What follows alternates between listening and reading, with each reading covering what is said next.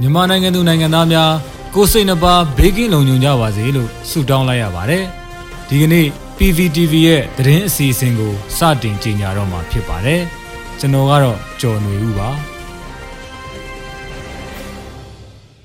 အခုပထမဆုံးအနေနဲ့ဒီနေ့ကြာရောက်တဲ့84နှစ်မြောက်အာဇာနည်နေ့အတွက်ပြည်ထောင်စုလွှတ်တော်ကိုစားပြုကော်မတီ CRPH ကအထိတ်အမှတ်တဝန်လွှာပေးပို့ခဲ့တဲ့သတင်းကိုတင်ဆက်ပေးမှာဖြစ်ပါတယ်။ဒီနေ့ကြာရောက်တဲ့84နှစ်မြောက်အာဇာနည်နေ့အတွက် ပြည်ထောင်စုလွှတ်တော်ကိုစားပြုကော်မတီ CRPH က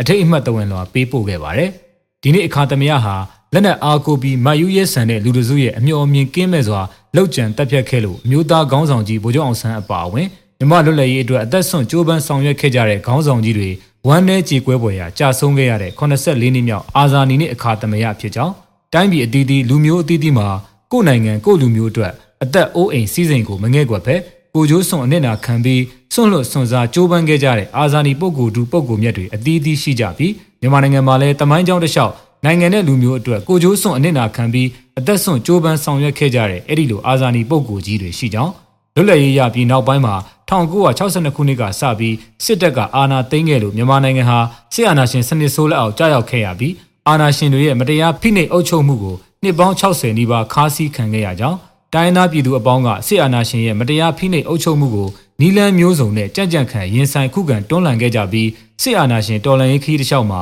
တက်ဆွန့်ကြိုးပမ်းထမ်းဆောင်ရင်းကြာဆုံးခဲ့ရတဲ့အာဇာနည်သူရဲကောင်းများစွာရှိခဲ့ကြောင်းဒီနေ့အချိန်မှာလဲအာနာလောဘရမတ်ကြီးလွန်ပြီးအမျော်အမြင်နှဲပါတဲ့စစ်အာဏာရှင်တစုကပြည်သူလူထုရွေးကောက်တင်မြှောက်ပြီးအနှင်းထားတဲ့နိုင်ငံတော်အာဏာကိုပြည်သူအစိုးရထံကလက်နက်အားကိုမတရားရယူသိမ်းပိုက်ပြီး ပြည်သူတွေကိုဥပဒေမဲ့နိုင်ထက်စီးနှင်းဖိနှိပ်လျက်ရှိတာကိုမခံမရက်နိုင်ကြတဲ့မြန်မာနိုင်ငံတဝန်းလုံးကတိုင်းရင်းသားပြည်သူတွေဟာကြာရနယ်ပယ်ကန်တာအသီးသီးမှာရရနီးနဲ့စစ်အာဏာရှင်တွေကိုခုခံဆန့်ကျင်တွန်းလှန်နေကြကြောင်းအဲ့ဒီလိုခေတ်ဆက်ဆက်တိုင်းပြည်နဲ့လူမျိုးအကျိုးအတွက်ကိုယ့်အသက်အိုးအိမ်စည်းစိမ်ကိုမငဲ့ကွက်ပဲကိုကျုံးစွန်အနစ်နာခံပြီးတက်ဆွန်ကြိုးပမ်းဆောင်ရွက်ခဲ့ကြတဲ့အာဇာနည်သူရဲကောင်းအပေါင်းကိုအခုလို84နှစ်မြောက်အာဇာနည်နေ့နေဒူးနေ့မြတ်အခါသမယမှာဥညွတ်ဂုံပြုအလေးပြုလျက်စစ်အာဏာရှင်စနစ်ဆိုးကိုမြမအမြေပေါ်က အမြင့်ဖြတ်ချေမုံပြီးငြိမ်းချမ်းတာယာဝပြောတဲ့ Federal Democracy ပြည်ထောင်စုကြီးအမြန်ဆုံးပေါ်ထွန်းလာစေရေးအတွက်မိမိတို့ကိုယ်စွမ်းညံစွမ်းရှိတဲ့၍မစုံမနစ်ကြိုးပမ်းဆောင်ရွက်သွားပါမယ်လို့လေးနက်ခိုင်မာစွာဂရိတစ္ဆာပြုပါတယ်လို့တဝင်းလွှာမှာရေးသားထားတာကိုတွေ့ရပါတယ်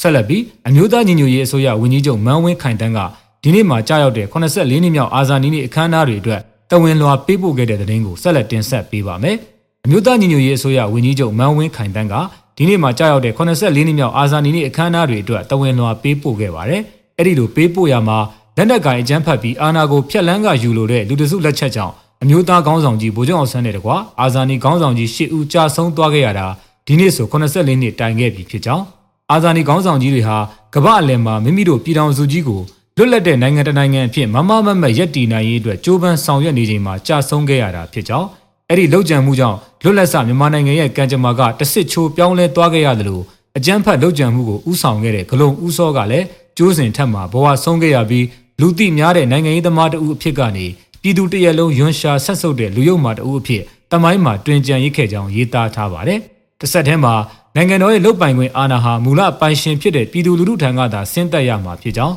ပြည်သူလူထုကယုံကြည်တာဝန်ပေးရခြင်းမခံရဘဲအာဓမနီးနဲ့လက်နက်ကင်အကြမ်းဖက်ပြီးနိုင်ငံတော်အာဏာကိုရယူခြင်းတဟာအာဏာလောဘဇောတိုက်ခြင်းသာဖြစ်ကြောင်းယခုအခါမှာမင်းအောင်လှိုင်နဲ့အကြမ်းဖက်စစ်ကောင်စီရဲ့လက်နက်အားကိုအာဏာလူယူတာဟာအယုတ်ဆိုးအကြီးတန်းဆုံးဖြစ်ရတဲ့ခုဖြစ်နိုင်ငံတကာအလဲမှာတမိုင်းတွင်ခဲ့ပြီဖြစ်ကြောင်းဒါပေမဲ့အာဏာရမတ်ကြီးသူတွေရဲ့ဏီကုန်းမလဖြစ်ရပုံကိုတမိုင်းကအထင်ရှားတက်တည်ပြလျက်ရှိကြောင်းအာဇာနည်ခေါင်းဆောင်ကြီးတွေကတောင်တန်းနဲ့မြေပြန့်မခွဲကြဘဲဒန်းတူညီမျှရှိမှု လွတ်လပ်မှုတရားမျှတမှုစတဲ့ Federal Democracy စံနှုန်းတွေနဲ့ပြည်ထောင်စုမြန်မာနိုင်ငံတော်တစ်တရက်ကိုကြိုးပမ်းထူထောင်နေခြင်းလမ်းခုလက်မှာကြာဆုံးခဲ့ရကြောင်းအဲ့ဒီအတွက်မိမိတို့အနေနဲ့အာဇာနည်ခေါင်းဆောင်ကြီးတွေကိုလေးစားအားကျနေုံဂုံပြုနေုံနဲ့မပြီးပဲသူတို့ရဲ့အသက်ဆုံးခဲ့ရတာနဲ့ထိုက်တန်တဲ့ဒန်းတူညီမျှပြီးလွတ်လပ်တဲ့ပြည်ထောင်စုကြီးတရက်ကိုအားလုံးတူတကွလက်တွဲပြီးဝိုင်းဝန်းထူထောင်နိုင်မှမှန်ကန်စွာဂုံပြုရာရောက်မယ်လို့ပါရှိပါတယ်။ မေဦးတော်လန်ရေးမှာရှေးကအာဇာနည်ကြီးတွေရဲ့စိတ်တဲ့အတိုင်းအများအတွက်အသက်ဆုံးခဲ့ကြတဲ့သူရဲကောင်းတွေပေါ်ပေါက်လာခဲ့ရပြန်ပြီဖြစ်ကြောင်းဒါအပြင်ကိုဗစ်ကပ်ရောဂါကာကွယ်စောင့်ရှောက်ရေးအတွက်အသက်ဆုံးကြိုးပမ်းခဲ့ကြတဲ့သူရဲကောင်းတွေကိုလည်းမြင်တွေ့နေရပါကြောင်းအဲ့ဒီလိုအများအကျိုးအတွက်စွန့်လွတ်အနစ်နာခံခဲ့ပြီးဆောင်ရွက်တတ်တဲ့အာဇာနည်စိတ်ဓာတ်ကမိမိတို့ဥတီချီတက်နေတဲ့ဆရာနာရှင်စနစ်ပြတ်သုံးရေးနဲ့ Federal Democracy ပြည်ထောင်စုတည်ဆောက်ရေးအတွက်အင်အားတွေပဲဖြစ်ကြောင်းညီကုန်းချုပ်အနေနဲ့ဒီနေ့84နှစ်မြောက်အာဇာနည်နေ့မှာ အာဇာနည်အမျိုးသားခေါင်းဆောင်ကြီးတွေနဲ့တကွခေတ်အဆက်ဆက်မတရားမှုကိုစန့်ကျင်တော်လှန်ခဲ့ကြတဲ့အများအကျိုးအတွက်ဆွန့်လွတ်အနစ်နာခံခဲ့ကြတဲ့အာဇာနည်တိုင်းရင်းသားပြည်သူလူထုအပေါင်းအပါတွေကိုအမျိုးသားညီညွတ်ရေးအစိုးရကိုစားအလေးပြုဥညွှတ်လိုက်ကြောင်းရေးသားထားပါတယ်။